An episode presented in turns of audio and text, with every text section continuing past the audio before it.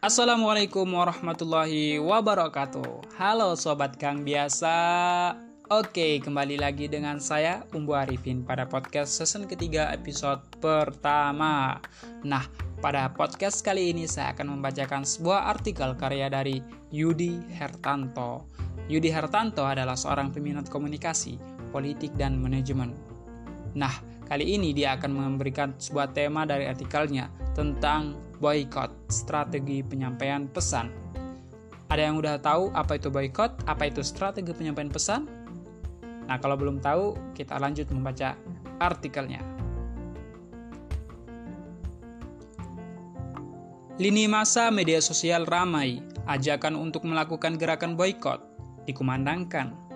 Dalam konteks komunikasi, Hal ini harus dipahami sebagai bentuk penyampaian pesan non-verbal. Pola distribusi pesan terampil melalui gerak-gerik dan tingkah laku. Sudah barang tentu, dalam kajian aksi-reaksi, maka bentuk penyikapan boykot tidak berdiri sendiri, melainkan bagian dari sebuah rangkaian kejadian yang tidak terpisahkan.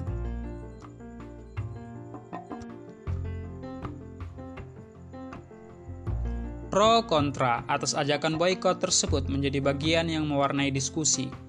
Perdebatan di ruang publik seberapapun kerasnya menjadi wadah pengujian kedewasaan berdemokrasi. Problemnya harus terdapat kesadaran untuk memisahkan ruang percakapan dari akses potensi tindakan kekerasan yang menyertai. Tindakan kekerasan yang timbul sebagai akibat pelecehan keyakinan agama perlu dikecam, sebagaimana kecaman juga patut disampaikan pada upaya penghinaan agama itu sendiri. Perlu sangat cermat dan berhati-hati ketika berbicara di ruang sensitif atas perbedaan nilai spiritualitas keagamaan. Problemnya sesuai teori konflik, seharusnya dibuka ruang dialog guna mencapai resolusi. Dengan begitu, pernyataan Presiden Prancis Emmanuel Macron yang menyebut Islam sebagai agama dalam krisis bahkan akan terus memberikan ruang bagi penguat sentimen Islamophobia sebagai bentuk kebebasan, jelas merupakan kekeliruan.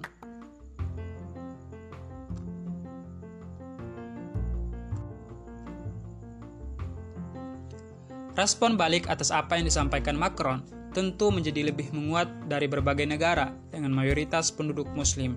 Di tanah air, Majelis Ulama Indonesia menyampaikan kecaman dengan seruan boykot.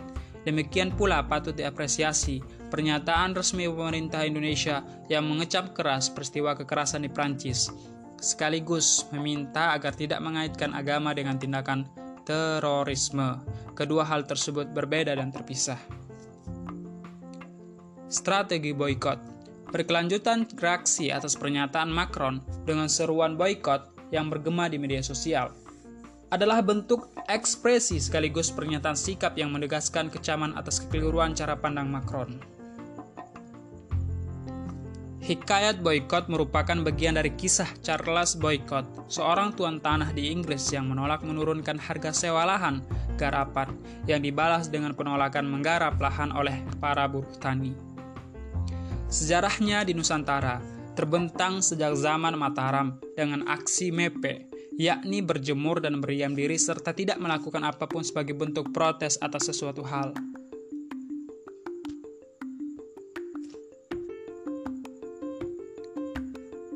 Di berbagai studi kasus modern, boykot kerap dikaitkan dengan seruan untuk menolak melakukan pembelian untuk suatu tema yang tidak disepakati.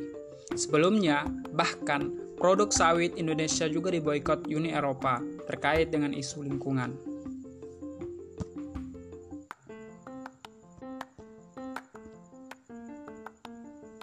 Boykot adalah strategi dalam menyampaikan pesan sekaligus menciptakan ruang keseimbangan.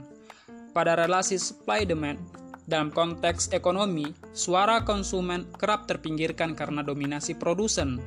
Karena itu, boykot adalah langkah alternatif yang mengembalikan posisi hak konsumen untuk meminta produsen bertindak secara bijaksana.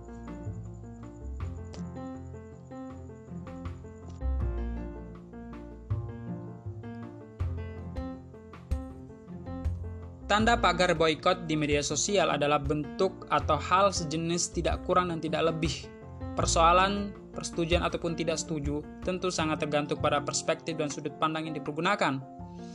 Tetapi dalam aspek komunikasi, boykot tetap menjadi cara medium berkomunikasi. Sebagai konsekuensi dari mekanisme saling bergantung dalam arus transaksi ekonomi dunia mengakibatkan para pihak yang terlibat di dalamnya untuk mampu bersikap terbuka guna mendengarkan aspirasi yang disampaikan. Menariknya, Strategi boykot adalah bentuk unjuk rasa dengan mengedepankan sensitivitas untuk memiliki kemampuan merasa tanpa kekerasan.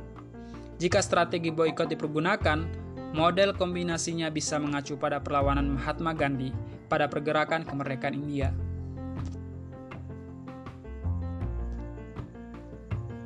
Prinsip saling terkait dalam gerakan nasional Gandhi merupakan integrasi dari kerangka ahimsa, anti kekerasan, hartar, permogokan, swadesi, konsumen produk lokal, dan satyagraha berpegang pada kebenaran. Pola serupa menurut Bung Karno disebut berdikari, berdiri di atas kaki sendiri, menyiratkan prinsip kemandirian untuk memenuhi kebutuhan ekonomi. Tentu seruan boykot kali ini perlu disambut dengan baik, sekaligus menjadi pelajaran penting dalam upaya membentuk hubungan yang setara dan seimbang, termaksud untuk membangkitkan kemampuan dalam negeri untuk mampu dan berdaya dalam kapasitas ekonomi yang mandiri. Tidak lagi bergantung pada uh, di luar negaranya. Oleh karena itu, uh, saya harapkan ketika ada pemboikotan, kita udah paham yang harus dilakukan apa, apa itu boykot, apa itu strateginya, kenapa kita harus melakukan boykot, tentunya kita harus benar-benar paham di situ. Jangan sampai kita hanya mengikuti boykot, hanya menyuarakan boykot dan sebagainya, tetapi kita tidak paham apa itu boykot, apa itu strategi penyampaian pesan di boykot. Maka dari itu, dari podcast kali ini, semoga teman-teman mengerti dan paham bagaimana kita harus menyikapi boykot ini, bagaimana kita harus memahami apa pesan-pesan dari strategi penyampaian pesan di boykot tersebut. Maka dari itu, uh, semoga dengan adanya podcast ini, teman-teman jadi paham apa itu boykot dan strategi dari penyampaian pesan yang ada di boykot tersebut. Mungkin uh, sekian podcast kali ini. Semoga podcast kali ini bermanfaat saya Umbu Arifin mengundurkan diri. Wassalamualaikum warahmatullahi wabarakatuh.